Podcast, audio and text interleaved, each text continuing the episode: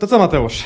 Pół roku temu nagrywaliśmy odcinek e, dokładnie na maj o kryzysie w IT. Jaki wybuchł, ile to będzie już z półtora roku temu?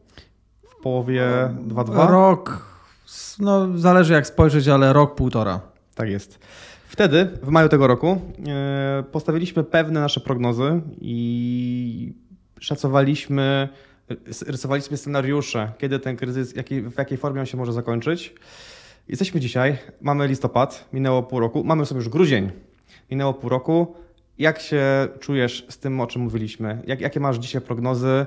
Jak, gdzie jesteśmy w tym kryzysie? Skończył się, nie skończył się? Jasne. Jeśli chodzi o prognozy, no to nagramy o tym osobny odcinek i y, to będzie kolejny odcinek, ostatni już w tym roku, gdzie gość specjalny opowie, jak wygląda ta sytuacja, jak, jak, jak, prognozuje sytuację na kolejny rok e, ze swojej perspektywy. Być może mi się uda coś dodać, jestem też ciekaw, bo nie konfrontowałem się jeszcze z tym gościem, mm, ale wracając do aktualnej sytuacji. E, to a propos aktualnej sytuacji, potwierdzam prognozy, które stawialiśmy pół roku temu do dzisiaj. To znaczy faktycznie ta sytuacja się za specjalnie nie zmieniła. Mm, w ogóle wszystko, o czym ja dzisiaj opowiem, e, bazuje nie tylko na podstawie swoich obserwacji, obserwacji, a może inaczej, na podstawie swoich obserwacji, ale są to obserwacje, które y, ja poczyniłem i y, jakby weryfikuję je praktycznie każdego dnia y, z innymi osobami z branży. Jako G-Group jesteśmy członkami SODY i IT Corner. To są dwa największe stowarzyszenia software house'ów w Polsce. No i nie będę ukrywać, że temat kryzysu, aktualnej sytuacji, sprawdzenia co u innych w ogródku jest tematem numer jeden, który się przewija przez wszystkie rozmowy, spotkania. Mm, choćby tydzień temu miałem okazję, e, no czy jak to oglądacie, to już pięć tygodni temu miałem okazję e, rozmawiać z mm, e, innymi współwłaścicielami i właścicielami software house'ów na spotkaniu, na takim śniadaniu. Kilka tygodni wcześniej byłem na kongresie Sody. Za chwilę będę na kongresie IT Corner i domyślam się, że usłyszę dokładnie to samo. Czyli no, kryzys trwa Tutaj się za wiele nie zmieniło, e, w największym skrócie. E, pracy dla nie tylko juniorów, ale tak naprawdę dla wszystkich specjalistów w branży IT jest zdecydowanie mniej. Dla juniorów prawie że nie ma. Jest to bardzo trudne e, na obecną chwilę. Mm, I jedynie co się zmieniło, że już powoli wszyscy zaczęli się w tym kryzysie odnajdywać i firmy tak naprawdę te cięcia, i to jest chyba coś, co nas e, mocno interesuje, jakby e, już trochę się zatrzymały i w tej chwili z mojej obserwacji i tych rozmów wynika, że mm, nie jest tak, że nie ma ich w ogóle, natomiast ich ilość i częstotliwość i skala jest zdecydowanie mniejsza. Nazwałbym to bardziej dzisiaj takimi chirurgicznymi cięciami już tego, co zostało odcięte jakieś kolejne 5%, może 10% i to jakby nie mówię 10% z całej firmy, tylko kolejne 10% do tego, co już zostało y, zredukowane. Nie ma co ukrywać. Specjalistów na rynku dostępnych jest wielu i to z każdym doświadczeniem i juniorów, i y, midów, i seniorów, więc sytuacja na pewno jest y, niekomfortowa i nie zmieniła się, ale się nie pogarsza znacznie. E, jeśli chodzi o takie zmiany aktualne, e, to co w tej chwili się dzieje i jakby co ma duży wpływ i też prawdopodobnie dla Was, jako osób, które myślą o tym, żeby wejść do branży, na ten moment e, software house, tak jak do tej pory zajmowały się, czy największą wartością, którą mogły dostarczyć, było tak zwane delivery, czyli dostarczanie specjalistów, bo tych brakowało na rynku i krótko mówiąc, dostarczenie mocy przerobowych, siły przerobowych i kto miał te moce przerobowe, ten wygrywał. No to naturalne, jeżeli tych mocy przerobowych wszędzie pojawiło się sporo, no to w tej chwili e, nie to jest wartością, którą się sprzedaje klientom i którą klienci kupują, ale wartością jest e, consulting, doradztwo e, i tak naprawdę dzisiaj każdy i software house'y zatrudniając ludzi i klienci kupując od software house'ów skupia się na wartości, którą może dostarczyć dany zespół, dany pracownik i wartości, które może dostarczyć dany projekt i pod tym kątem te projekty są e, rozważane. Czyli czy my jesteśmy w stanie zaoszczędzić jakieś pieniądze wdrażając taki projekt lub czy jesteśmy w stanie coś zoptymalizować czyli w ostatecznym rozrachunku zaoszczędzić w jakiś sposób. Nie ukrywajmy, że na to ma też duży wpływ y, AI i możliwości, jakie, jakie daje, i to też cięcia kosztów, co znowu nie tylko ma wpływ na to, czym się dzisiaj zajmują software house'y i co sprzedają, ale również ma wpływ na to, jakich ludzi zatrudniają.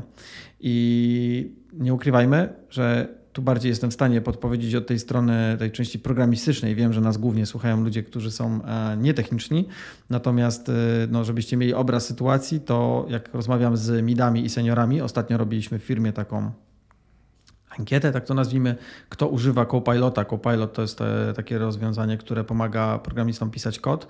E, no to wyszło, że, że z 80% osób u nas w firmie korzysta aktywnie z tego Copilota. I tak się zdziwiłem, myślałem, że będzie więcej. Mm, I tak naprawdę już wiele tak zwanych tasków, czyli zadań, które wykonywali juniorzy programiści, czy w sumie większość, no jakby midzi i seniorzy już nie potrzebują wsparcia juniorów w tym zakresie, bo te fragmenty kodu pisze za nich Copilot, czyli AI. I tak naprawdę taki junior, który by do nich doszedł do zespołu, sprawiłby więcej pracy niż pożytku, bo tutaj oni jakby wiedzą, co chcą, nie muszą tłumaczyć, nie muszą czekać, po prostu ten kod w cudzysłowie częściowo klepie się sam. Mhm. I cały czas twierdzą, ja nie jestem w stanie tego zweryfikować na ten moment tak jednoznacznie, bo nie jestem programistą i może to być myślenie życzeniowe, Pewnie nie jest jeszcze w tej chwili, kto wie, co będzie za jakiś czas i wtedy już nie wiem, co będziemy robili, Daniel. Natomiast y, jakby cały czas jak rozmawiam, no to i midzi, i seniorzy twierdzą, że ich pracy się jeszcze zastąpić absolutnie nie da, ponieważ cały czas wymagane jest takie myślenie trochę abstrakcyjne i jednak przewidzenie pewnych kwestii, których AI jeszcze nie jest w stanie przewidzieć.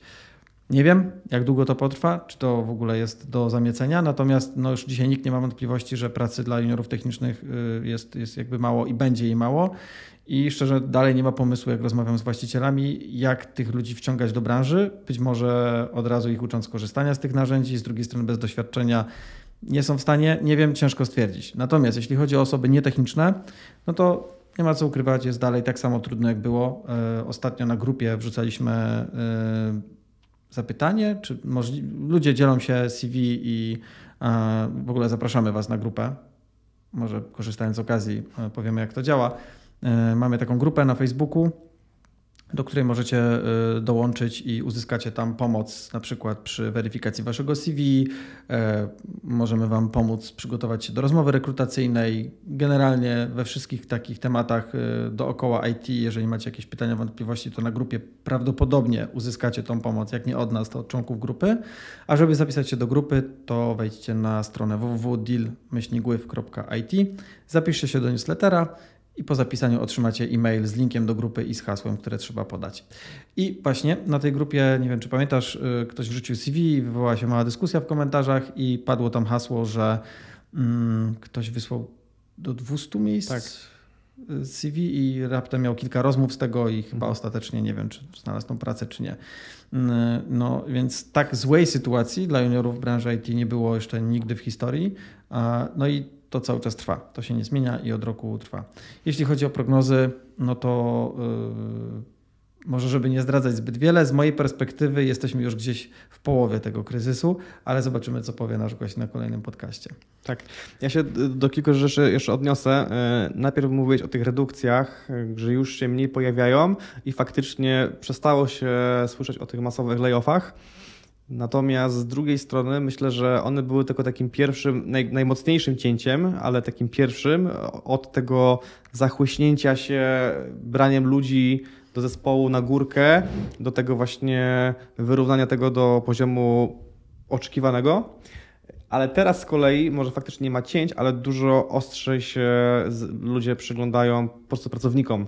Czyli tak jak kiedyś yy, przynajmniej u nas y, jest, jest taki moment, gdzie obserwując pracownika, jakieś zapalają się lampki, że chyba nie do końca performuje, że chyba trzeba jakiś tak zwany program naprawczy ludziom tłumaczeń odpalić i bardziej feedbackować i obserwować e, progres i poprawę pracownika, to teraz jest to dużo krótsze, jakby jest dużo mniejszy margines po prostu na to, ile pracownik może powiedzmy nie dowozić, nie? I, i no niestety tutaj trzeba się dużo bardziej starać, żeby, znaczy niestety, no, na tym polega nasza praca. Niestety dla ludzi, którzy, którym na tym niekoniecznie zależy. Czyli jak są osoby, które powiedzmy chciały trochę tam, no nie powiem, pościemniać, ale no są tak, to takie osoby, każdy takich zna, no to teraz jest im dużo trudniej. I to jest może trochę na dobre zmiana, więc myślę, że, e, że to jest spoko. Natomiast drugi punkt, o którym powiedziałeś, ten, ten switch delivery też się w pełni zgadzam, też to bardzo mocno widzę, że kiedyś za tych dobrych czasów to śmialiśmy się, że były momenty, kiedy dosłownie się, tak sobie żartujemy oczywiście, e, sprzedawało ludzi na kilogramy, że przychodzili klienci i po prostu mówili y, nieważne ile, dajcie nam 10, 15, 20 ludzi, potem pomyślimy, co z nimi zrobimy. Mamy taki taki budżet od, od inwestorów, od sponsorów, musimy go wydać, po prostu dawajcie nam ludzi i potem pomyślimy. Teraz to się zupełnie odwróciło. Najpierw myślimy, co byśmy chcieli zrobić, i to dokładnie analizujemy i szacujemy. I albo bierzemy bardzo konkretne osoby na bardzo stricte, yy, stricte bardzo strict, czyli sztywne warunki, fix price'owe i tak dalej. I z tego się mocno rozliczamy, gdzie kiedyś by wystarczył bardzo ludzi temat material. Mhm. Albo po prostu faktycznie jest bardziej consulting, a nie delivery, czyli przychodzą klienci i mówią, że to nie jest tak, że wy nam dajecie ludzi i potem będziemy kminić, tylko wy nam powiedzcie, jak z tego budżetu właśnie możemy wycisnąć, tak jak powiedziałeś, albo oszczędności, albo ten konkretny efekt. E, czyli nie cenimy sobie tylko i wyłącznie utalentowanych ludzi, w zasadzie, że wiem jak kodzić i takich dajcie mi 10, tylko ludzi, którzy faktycznie pewne rzeczy już przerobili, pewne jakby projekty, produkty. E, nam też kiedyś powiedział jeden klient, że mega was lubię, mega was doceniam, macie super ludzi, ale nie chcę pracować w tym momencie y, sytuacji na rynku z zespołem, który się będzie uczył na mnie. Że na przykład my jesteśmy świetni w eksploracji i robimy świetnie takie rzeczy R&D, czyli Research and Development, czyli coś, mhm. czego, czegoś nie było, ale siłą rzeczy to ma taki koszt, że no no, uczymy się, nie? popełniamy błędy i klient się musi na, na, to godzić, że za swoje pieniądze my będziemy popełniali błędy i faktycznie iteracyjnie je naprawiali, ale one będą. I teraz się bardziej oczekuję, że dajcie mi ludzi, którzy po prostu to już przerobili. Ja nie chcę być królikiem doświadczalnym, pomimo że wiem, że przychodzę z czymś totalnie nowym, świeżym, to oczekuję, że wy macie konkretne rozwiązanie na mój konkretny problem. Jedno i drugie to, to jest tak naprawdę właśnie dostarczanie tej e, efektywności i jakości w zamian e, za to, co było kiedyś, czyli dostarczanie ludzi. No, co niestety tylko potwierdza, że juniorom i osobom bez doświadczenia jest jeszcze trudniej i nic z tym po prostu w tej chwili nie zrobimy. No jest taka sytuacja i musimy z tym żyć i tak naprawdę e, pytanie, jak to będzie wyglądało, no ale to o prognozach opowiemy e, mhm. przy, przy następnym odcinku. Z takich ciekawostek, które sobie odnotowałem, e, to też tutaj e, trafiłem na wpisy, ale sam to widzę i w sumie nasza grupa i jedna z innych grup, do których jestem e, zapisany na, na Facebooku, pokazuje mi, że dzisiaj juniorzy szukają też pracy, czy może szansa na znalezienie pracy jest nie tylko poprzez ogłoszenia, gdzie no, siłą rzeczy trafiają wszyscy, ale właśnie przez specyficzne grupy na Facebooku. Może nie takie jak nasza, bo my stricte nie załatwiamy pracy na naszej grupie, ale, ale, ale jakby poszukajcie, są takie grupy e, na Facebooku, gdzie można po prostu no, wrzucić ogłoszenie, że e, no, szukacie tej pracy, ludzie wrzucają swoje CV. I z tego co widzę, faktycznie e, tam się takie ogłoszenia niekiedy no, jakby spotykają z jakimś zainteresowaniem, a to z tego powodu, że no, software house'y i, i mniejsze czy większe pewnie raczej te mniejsze, no jakby mają dostęp do tych grup i wiadomo, że im się nie opłaca wrzucać ogłoszenia o pracę na juniora, no bo jest ich po prostu tylu, że, że prawdopodobnie będą po obniżeniu stawek mieli słabego mida albo mida w cenie kiedyś juniora. Natomiast y, szukanie po takiej grupie jest darmowe, więc y, czasem sam widzę nawet ogłoszenia właśnie, że ktoś szuka juniora i co prawda zazwyczaj nie są to prace na cały etat. To są prace na, e, na jakąś część etatu. Nie ukrywam głównie dla programistów, ale widziałem też pracę dla, dla PM-ów i, e, i, i, innych osób mniej technicznych, tak to określmy. No i jakby to jest też, myślę, jakiś sposób na budowanie portfolio. Czyli jeżeli jest jakiś projekt na część etatu, to podejrzewam, że jak macie pracę w tej chwili w innym miejscu chcecie się e, przebranżowić, no to może to jest dobre miejsce, żeby właśnie nabrać tego doświadczenia i zrealizować, jeszcze zarabiając kilka takich mniejszych projektów co oczywiście zajmie sporo czasu, e, no bo jakby nie, nie, nie ma takich ogłoszeń zbyt wielu, ale pojawiają się, więc to jest jakiś tam trend i kierunek, w którym można by szukać. No te grupy są bezpłatne na dzisiaj, nie? No bo tak. bodajże w tym tygodniu właśnie u mnie się pojawiło ogłoszenie, że mogę wykupić płatnego Facebooka czy generalnie płatne konto Meta, więc kto wie, czy za chwilę też tego nie przykryją. To jest kwestia, ale chyba te płatne konta wzięły się z powodów tych przepisów unijnych, tak? I generalnie celem jest chyba, jeżeli dobrze rozumiem, bo ta cena jest dosyć zaporowa, mimo że ja do pracy używam Facebooka, no to i w ogóle zauważyłem, że są dwie ceny. Nie wiem na jakiej zasadzie to jest, ale część osób otrzymuje cenę 9,99 euro, a ja otrzymałem na przykład 12,99. I nie wiem, czy to. Ja na przykład dosyć aktywnie używam tego Facebooka e, i mam tam tych kont kilka, w sensie nie prywatnych, tylko kilka tych takich firmowych. Mam swoje prywatne e, i jestem na wielu grupach. Sam prowadzę grupę tak jak ty i ja nie wiem, czy to nie z tego wynika. Nie mam pojęcia, bo próbowałem tam wejść w cennik i jakoś się doszukać, z czego to wynika i nie znalazłem.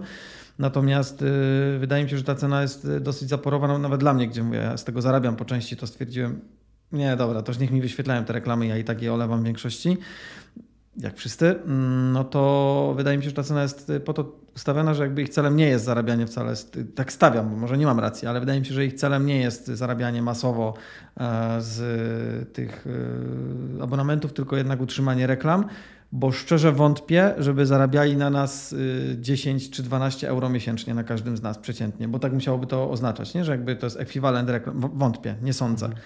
Myślę, że jakby chodzi o to, żeby po prostu tego nie kupować. Ale y, do, do brzegu. Mm, podtrzymuję również to, że stawki y, spadły. Może nie jakoś znacznie, ale spadły, biorąc pod uwagę inflację, no to już mamy znaczny spadek stawek.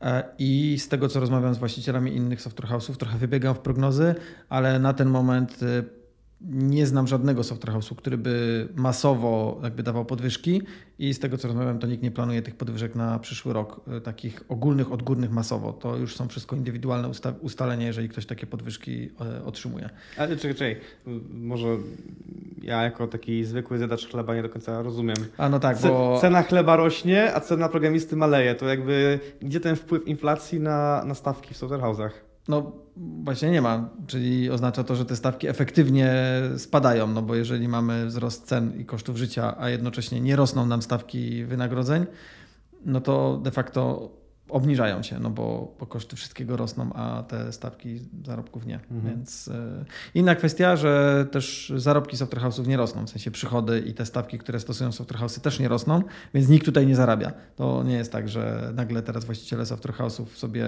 powiększają dziurę, czyli oni zwiększają stawki, a nie zwiększają wynagrodzeń. No nie, no to niestety działa tak, że, że te koszty czy te zarobki po stronie software house'ów też nie rosną. Mm, co znowu łączy się z tym punktem, bo nie dość, że stawki nie rosną, to jest wymagana większa efektywność. I to jest też taka ciekawostka, takie inside info, że tego typu recesje, kryzysy, ja już to przeżyłem w 2008 roku, potwierdzam, że teraz dzieje się dokładnie to samo. Mm, no jakby klienci, mm, a tym samym pewnie i pracodawcy, e, stali się trochę bardziej czepliwi, jeżeli mogę użyć takiego e, kolokwialnego słowa, czyli tak jak mówisz, że wcześniej przechodziły pewne kwestie, tak teraz sam spotykam się wiele razy, wiele, no kilka takich przypadków mieliśmy w ostatnim pół roku, gdzie ktoś nam podważał raport godzinowy.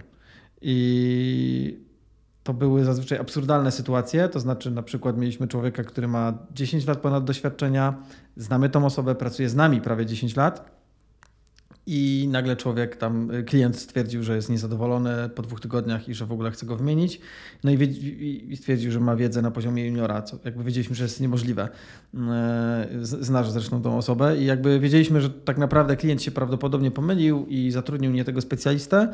Natomiast y, gdyby nie było kryzysu, to albo by sobie poradził z tym specjalistą, bo to było, brakowało mu tam drobnego zakresu wiedzy i my tego nie ukrywaliśmy, że on tego nie ma, bo no, nawet nie wiedzieliśmy, że klient tego szuka tak w ogóle ogóle e, swoją drogą. I wcześniej klient na to by nie zwrócił uwagi, albo by po prostu wypowiedział umowę, albo by dał mu tam miesiąc na doszkolenie się w tym obszarze. No a w tej chwili bezczelnie zerwał umowę, twierdząc, że to my daliśmy człowieka, który nic nie umie. No i sprawa się skończy w sądzie. E, hmm. I z dnia na dzień jakby człowiek z projektu wyleciał. I... A to oni was, czy wy ich? My ich, ponieważ nie chcą nam zapłacić. Okay. Chociaż w ramach odwetu, też ciekawostka, bardzo bezczelne podejście, bo w ramach odwetu za to, że my mamy czelność prosić o swoje pieniądze, czy ich oczekiwać, no to dostaliśmy w drugą stronę groźbę pozwu o wyłudzenie. Jakby bez sensu zupełnie, to. Nie, nie, nielogiczne. Nieważne, w każdym razie takie sytuacje nie miały wcześniej miejsca. My nic nie zmieniliśmy, wręcz nawet w drugą stronę. Zmieniliśmy, że jesteśmy bardziej elastyczni. To znaczy, naprawdę, staramy się pójść na rękę, tak jak w tym przypadku, o którym Wam teraz opowiedziałem, no to staraliśmy się pójść na rękę i powiedzieć: Dobrze, panowie, no to okej, okay, zakończmy to z dniem dzisiejszym i się rozliczmy. Mm, że bez okresu wypowiedzenia. No, mimo, że nie ma do tego podstaw, bo my nie zrobiliśmy nic złego, wszystko się zgadzało z umową.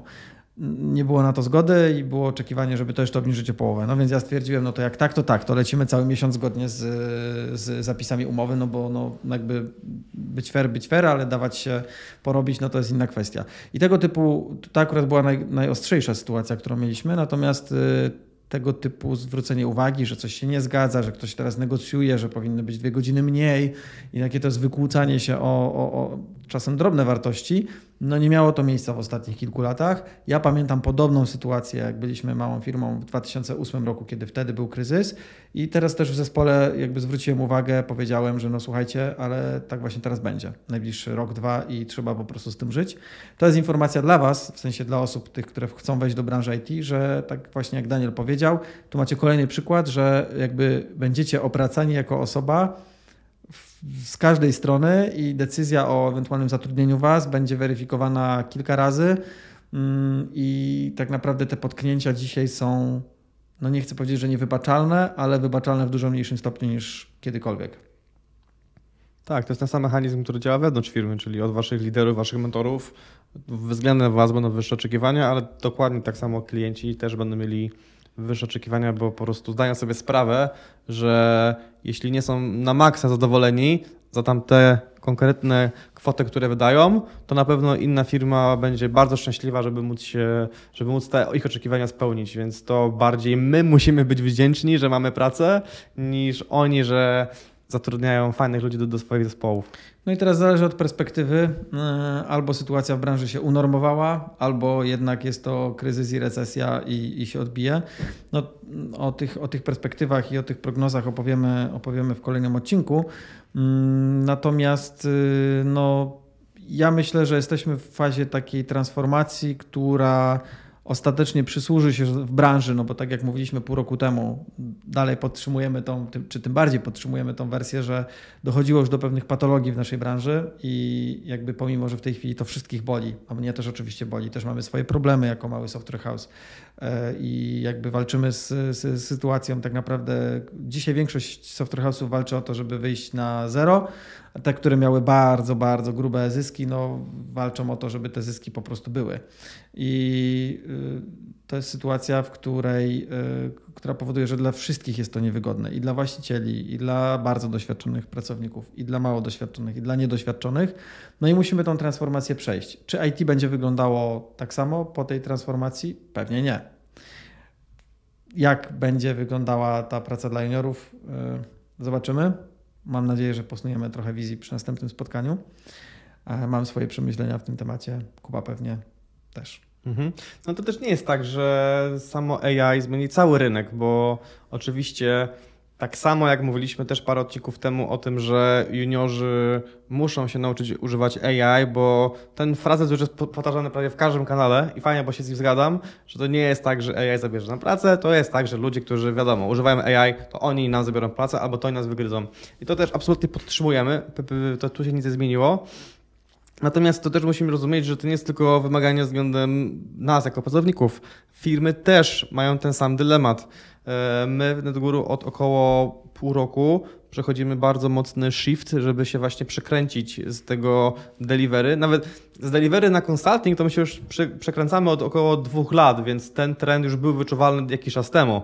Ale teraz z kolei znowu, nawet z consultingu w temacie zwykłego software'u, dodatkowo się jeszcze trzeba przekręcić właśnie konkretnie w AI.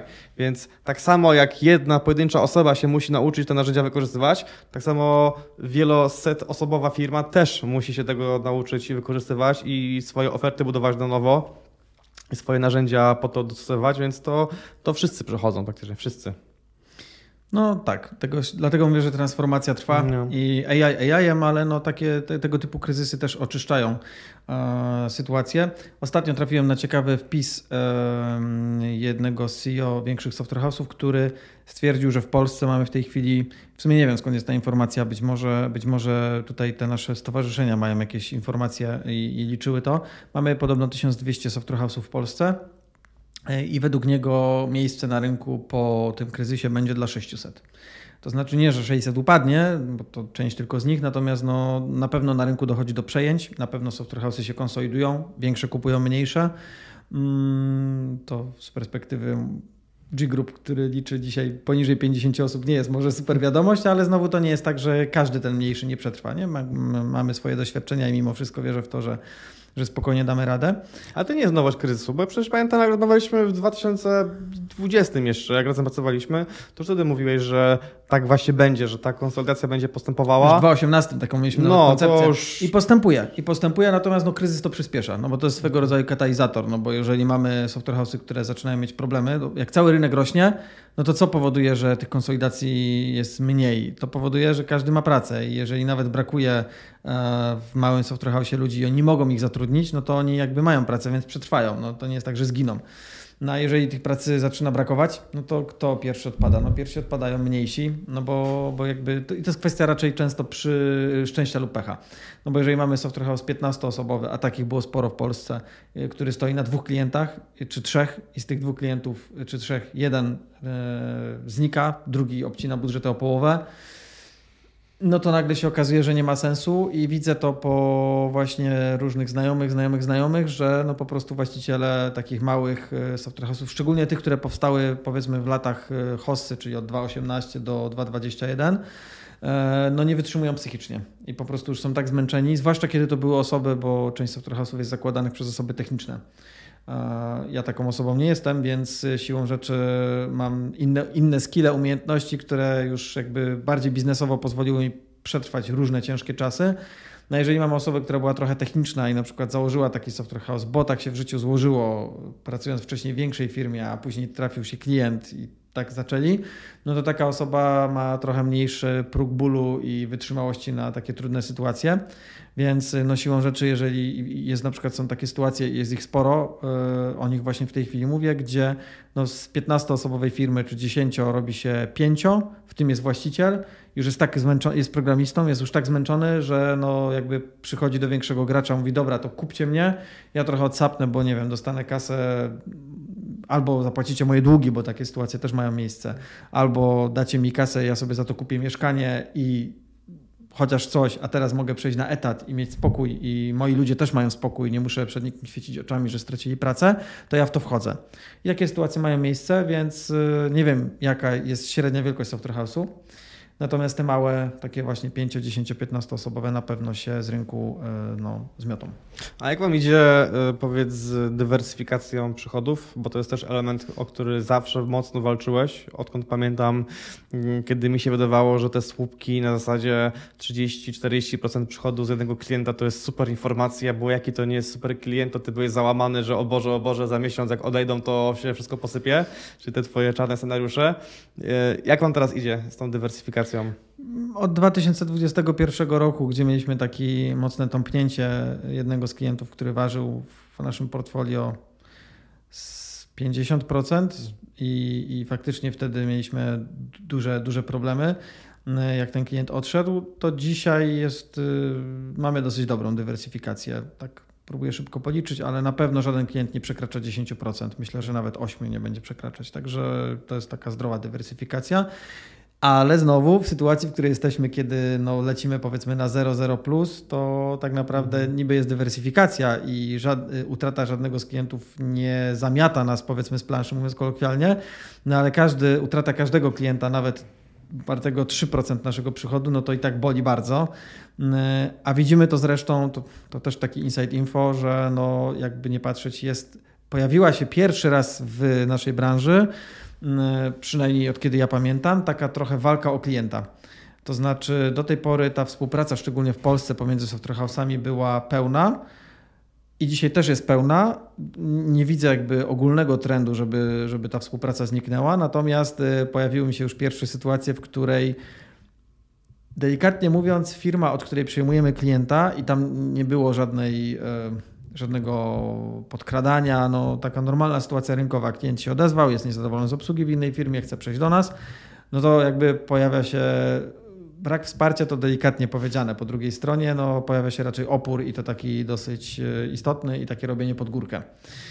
Co jakby do tej pory za specjalnie nie miało miejsca. I to też pokazuje, że no, sytuacja jest po prostu trudna i mhm. każdy walczy o każdego klienta i chce go po prostu za wszelką cenę zatrzymać. Mhm. E, tak w ramach jeszcze kolejnych takich inside info z, z branży, no to, to, to o tym, co, co powiedzieliśmy, można jeszcze podsumować to z drugiej strony, że projekty dzisiaj trwają krócej e, i faktycznie klient skupiając się na tym, żeby dowieść wartość, kiedy robimy etap projektu, to oczywiście nie wiem, jak to działa u Was na przykład, ale w takich małych software house'ach jak nasze, to klient trochę się nie boi e, takich działań jak na przykład, ok, to dzisiaj dowozimy ten etap i na dwa miesiące zatrzymujemy pracę. Ja nie mam więcej budżetu. I teraz kiedyś by był strach, że straci zespół, że kto wróci do pracy.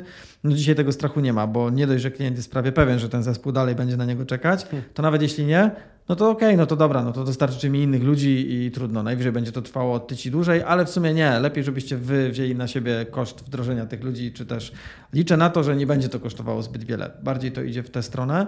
E, czy też na przykład e, zdarzyło nam się aktualnie, mamy taką sytuację, gdzie dowieźliśmy pewien etap projektu, i klient w zasadzie z dnia na dzień, pomimo że wszystko jest w porządku, e, z dnia na dzień poinformował nas, że znalazł sobie programistę z Albanii i w zasadzie to on się nie boi i od jutra już ten programista ma przejąć projekt. Czuję, że to może się skończyć małym disaster, bo rozmawiałem z zespołem i wydaje mi się, że tam będą problemy. E, nie, że my coś źle zrobiliśmy, tylko po prostu wyszło tak jakby ten, o, to też jest taki ważna w sumie informacja dla Was, przypomniało mi się teraz, bo to jest jakby w tej chwili zespół, y, ten projekt jest realizowany przez zespół trzyosobowy. To nie są trzy etaty, natomiast jest potrzeba trzech specjalistów. Backendowiec, frontendowiec i specjalista od AI, plus częściowo osoba od obsługi chmury. A tenże programista z y, Albanii będzie robił wszystko. No bo on jest takim ekspertem, że Full stack, full stacków. I teraz e, trochę wracamy do źródeł, skąd IT wyszło. Mamy taki odcinek o tym, e, kiedy to wszystko stało się takie trudne. Nie pamiętam już który, ale podlinkujemy go tutaj. E, I tam właśnie opowiadamy, jak to jest, że kiedyś był jeden programista, który tworzył cały projekt, a dzisiaj mamy cały szereg specjalistów, którzy go tworzą. No i trochę wracamy. To znaczy, ja też widzę to e, u siebie i jak my zajmujemy się częściowo outsourcingiem, to faktycznie najchętniej czy najwięcej zapytań dzisiaj z rynku, jeżeli już jakieś się pojawiają, to są zapytania o full stacków, czyli deweloperów, którzy potrafią programować w dwóch językach, e, w sensie i backend, i frontend e, i jakby ewidentnie rynek szuka oszczędności w ten sposób. No, no pewnie, no jak ja na przykład y, gdzieś jadę w trasie, staję na Orlenie i, kupuję sobie szybki lunch w formie hot doga, jak mnie pan albo pani pyta jaki sos, to zawsze mówię, no jak to, jaki ketchup majonez, dwa w cenie jednego, nie? No to jest kolejny taki argument, który potwierdza, że mamy, mamy kryzys i po prostu tak to będzie na razie wyglądało. A co mm. będzie dalej, zobaczymy. Yy, Jeszcze z tą Albanią, bo przypomniała tak. mi się e, zabawna anegdota. Spotkałem niedawno naszego wspólnego znajomego, który aktualnie jest kimś w rodzaju frontend architekta w SI. E, też taki duży, duży firma, która międzynarodowa bodajże, albo polska? Międzynarodowa. Międzynarodowa, też zajmuje się outsourcingiem. Miała swoje e, jakby małe aferki. Ups and downs i właśnie Witek, bo to o nim mowa, cześć Witek, jeśli nas słuchasz, e, zabawnie to podsumował, że on skacze w kółko albo wchodzi na projekty, po, e, albo z projektu go wygryzają Hindusi, bo, bo są tańsi i klient zmienia na Hindusów i wtedy on przychodzi do projektu po Hindusach, żeby naprawić to, co oni zepsuli i potem go znowu wygryzają i tak się właśnie koło, koło życia toczy, że cały czas na zmianę, nie? Albo są tańsi, ale ktoś inny się, się orientuje, że popsuli i teraz trzeba kogoś ogarniętego, żeby to wszystko ponaprawiał. Więc tak pewnie będzie u Was, także już się szykujcie na, na powrót, albo sobie jakąś furtkę zostawcie, że no dobra, spoko, ale jakby co, my tutaj jesteśmy, nigdzie się nie ruszamy i się pewnie usłyszymy za, za dwa jest, miesiące. Jest to bardzo prawdopodobne, natomiast podsumowując, e, no bo tu już nie ma więcej e, za dużo co dodawać, no po prostu mamy kryzys i recesję. E, cała sytuacja, czy, czy jakby spadek branży trwa już rok, półtora, zależy od kiedy liczyć, natomiast co najmniej rok i mm, po pierwsze kryzysy i recesje, i to już mówię tak bardziej z perspektywy rynków finansowych i historii po prostu y, kryzysów, nie tylko w branży IT, no te kryzysy zazwyczaj, nie zawsze, ale zazwyczaj trwały dużo krócej niż te okresy wzrostu. I moim zdaniem to jest moment, w którym powoli można zacząć mówić, że jak jest, zgodnie z takim starym żydowskim powiedzeniem, jak jest źle Mosiek, to e, ty się ciesz, bo będzie dobrze, jak jest dobrze, to ty się martw, bo będzie źle. To jest hmm. trochę moja taka dewiza życiowa. No, życie to sinusoida i tu jakby mamy potwierdzenie po raz kolejny, że jakby mm, no, prawdopodobnie ten najcięższy moment mamy jakby za sobą i to nie oznacza, że teraz będzie nagle lżej. Nie, będzie jeszcze jakiś czas ciężko. Natomiast y, ja bardziej bałem się rok temu o tej porze, niż boję się teraz. Pomimo, że jakby czuję, że czeka nas, nas kolejny ciężki rok, e, to po prostu już mamy rok za sobą. I jeżeli wy rok już walczycie, to no, zapewne macie cały czas pracę w innej branży, to spokojnie, ja bym się nie poddawał, czekałbym jeszcze i jakby to nie pójdzie na marne moim zdaniem, jeżeli cały czas się e, douczacie, cały czas się w jakiś sposób próbujecie wyszkolić, czy pozostajecie jakby e, no, mentalnie w ramach, w obszarze branży IT, śledzicie trendy i staracie się e, utrzymać jakby ten stan wiedzy na, na, jak, na, jak, na jak najaktualniejszy, to moim zdaniem jakby właśnie Teraz filtrujemy tych, którzy się poddadzą i już odpuszczą, a ci, którzy się nie poddadzą i nie odpuszczą, no finalnie będą mieli za jakiś czas, myślę, że dłuższy niż krótszy, ale będą mieli szansę, żeby do tej branży dołączyć i mocno w to wierzę. Tak i to samo powiemy, co dokładnie 6 miesięcy temu, ale to nie jest tak, że my teraz kogoś chcemy zniechęcać, bardziej chcemy przedstawić, jak sytuacja ma się na dzień dzisiejszy, czyli no, w momencie publikacji 1 grudnia, ale grudzień, listopad E, żeby po prostu. 2023. Tak, Waż, ważne dodanie. Żeby dać Wam szansę zreflektowania się przed jakimś szalonym skokiem na głęboką wodę, bo jeszcze dwa lata temu taki skok na głęboką wodę na zasadzie rzucam pracę, poświęcam dwa miesiące na naukę i znajduję pracę lekko, przy odpowiednim poziomie no, tam talentu, zaangażowania i zerwanych nocek, spoko. Dzisiaj nie ma szans. Mm, I no tak, od pół roku tu się nic nie zmieniło i trzeba jeszcze te parę miesięcy przynajmniej wziąć na wstrzymanie. No nic, chyba zostaje nam nagrać za kolejne pół roku na wiosnę, taki kwiecień albo znowu maj, kolejną aktualizację. Czy już po tej zimie y, też jakaś się szykuje wiosna na rynku, czy jeszcze trzeba kolejne parę miesięcy poczekać? A jeszcze jedna rzecz. Poruszyłeś temat y, tego, że gdyby klient zrezygnował, to po kilku miesiącach i tak zespół będzie czekał, co jest pewnym symbolem tak zwanej ławki. O tym, czym jest ławka w software house'ach też mówiliśmy, już też, nie, nie pamiętam w którym odcinku, ale w dużym skrócie to jest miejsce, taki, taki parking dla programistów, którzy aktualnie nie mają pracy. Jak u Was aktualnie z ławką? Czy udaje się Wam jakiś zdrowy poziom utrzymać, czy to jest w momencie duże wyzwanie? Do października mieliśmy z tym duży problem i to było 20 ponad procent zespołu mm, niewielkiego. Od, w październiku mocno się ta ławka rozładowała i zostało nam około 10% zespołu. No i to jest maks, który jesteśmy w stanie udźwignąć. Myślę, że znaczy, tak naprawdę to powinniśmy mieć zerową ławkę przy naszej skali, bo to jest, mhm. przypomnę, mamy poniżej 50 osób w sumie. Natomiast y, ewidentnie w październiku była, było odbicie na rynku, takie poruszenie powakacyjne. Teraz w listopadzie nie jest najgorzej, ale no to już jest ostatni, że tak powiem, rzut y, i to widać po grupach, y, po miejscach, gdzie się szuka ludzi że ewidentnie zrobił się ruch, ruch na rynku, ale to jest taki typowy ruch końcoworoczny, gdzie po prostu dwa lata temu to byłby szałciał, mówiąc kolokwialnie, w tej chwili no, trochę się rozładowało. E, żeby też dać jeszcze jeden przykład w skali i jakby tego, jak dużo jest osób dostępnych do pracy, również nam, mimo że mamy ławkę, to czasem się zdarza szukać specjalisty, którego my nie mamy po prostu po, po, po różnych zaprzyjaźnionych firmach.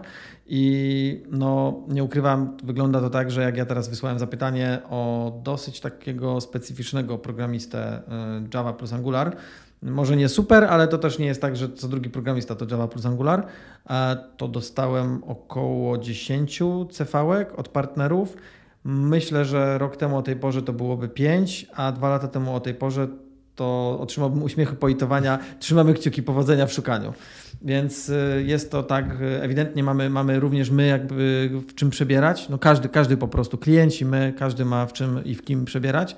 E, I, I, jakby, no, no właśnie, no tak, tak to wygląda, musimy się z tym pogodzić i to, i to przetrwać.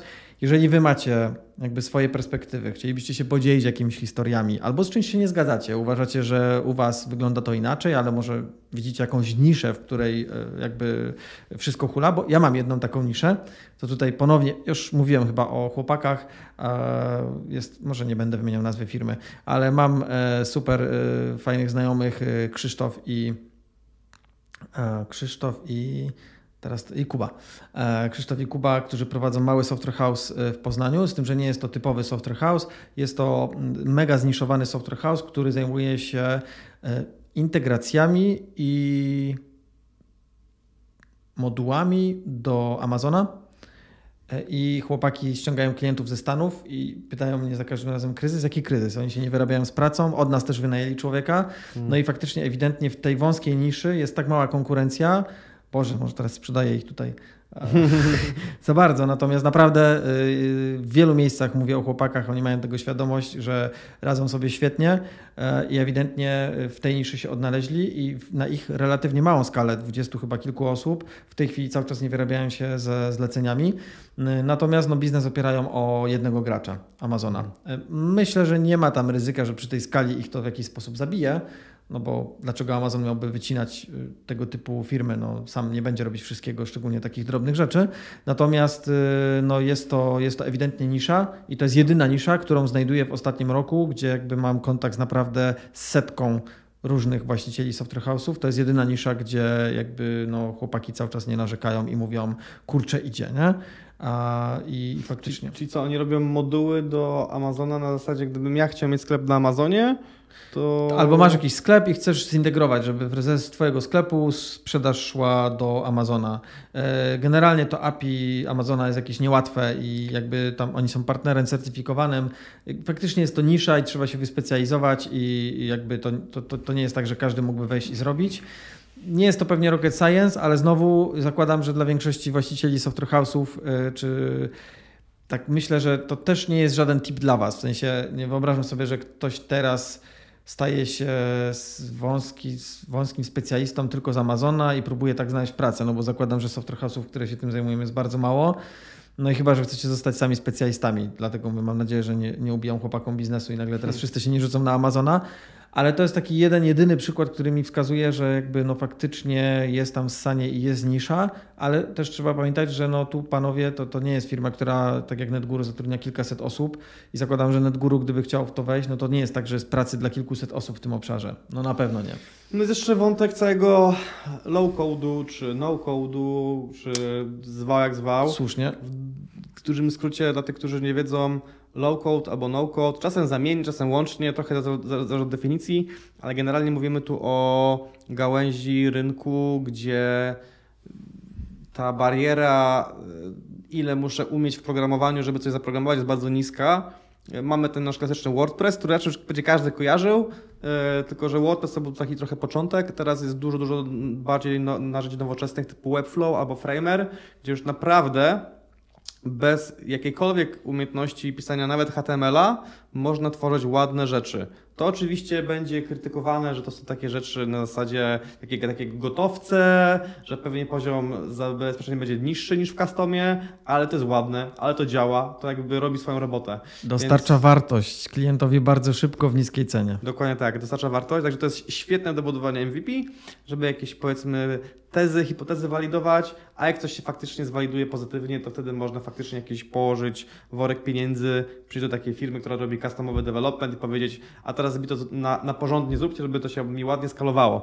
Ale generalnie y, to jest coś, gdzie ja z kolei widzę trend, y, pojawia się coraz więcej konferencji o, o Webflow, y, coraz więcej kont na YouTube i tak dalej, gdzie faktycznie są te narzędzia pokazywane i są tak ewangelizowane, że szczególnie w kontekście freelancerów, Naprawdę teraz freelancerzy y, jednoosobowe działalności, które ogarną Webflow, mogą robić robotę całego software house'u sprzed jeszcze roku albo dwóch.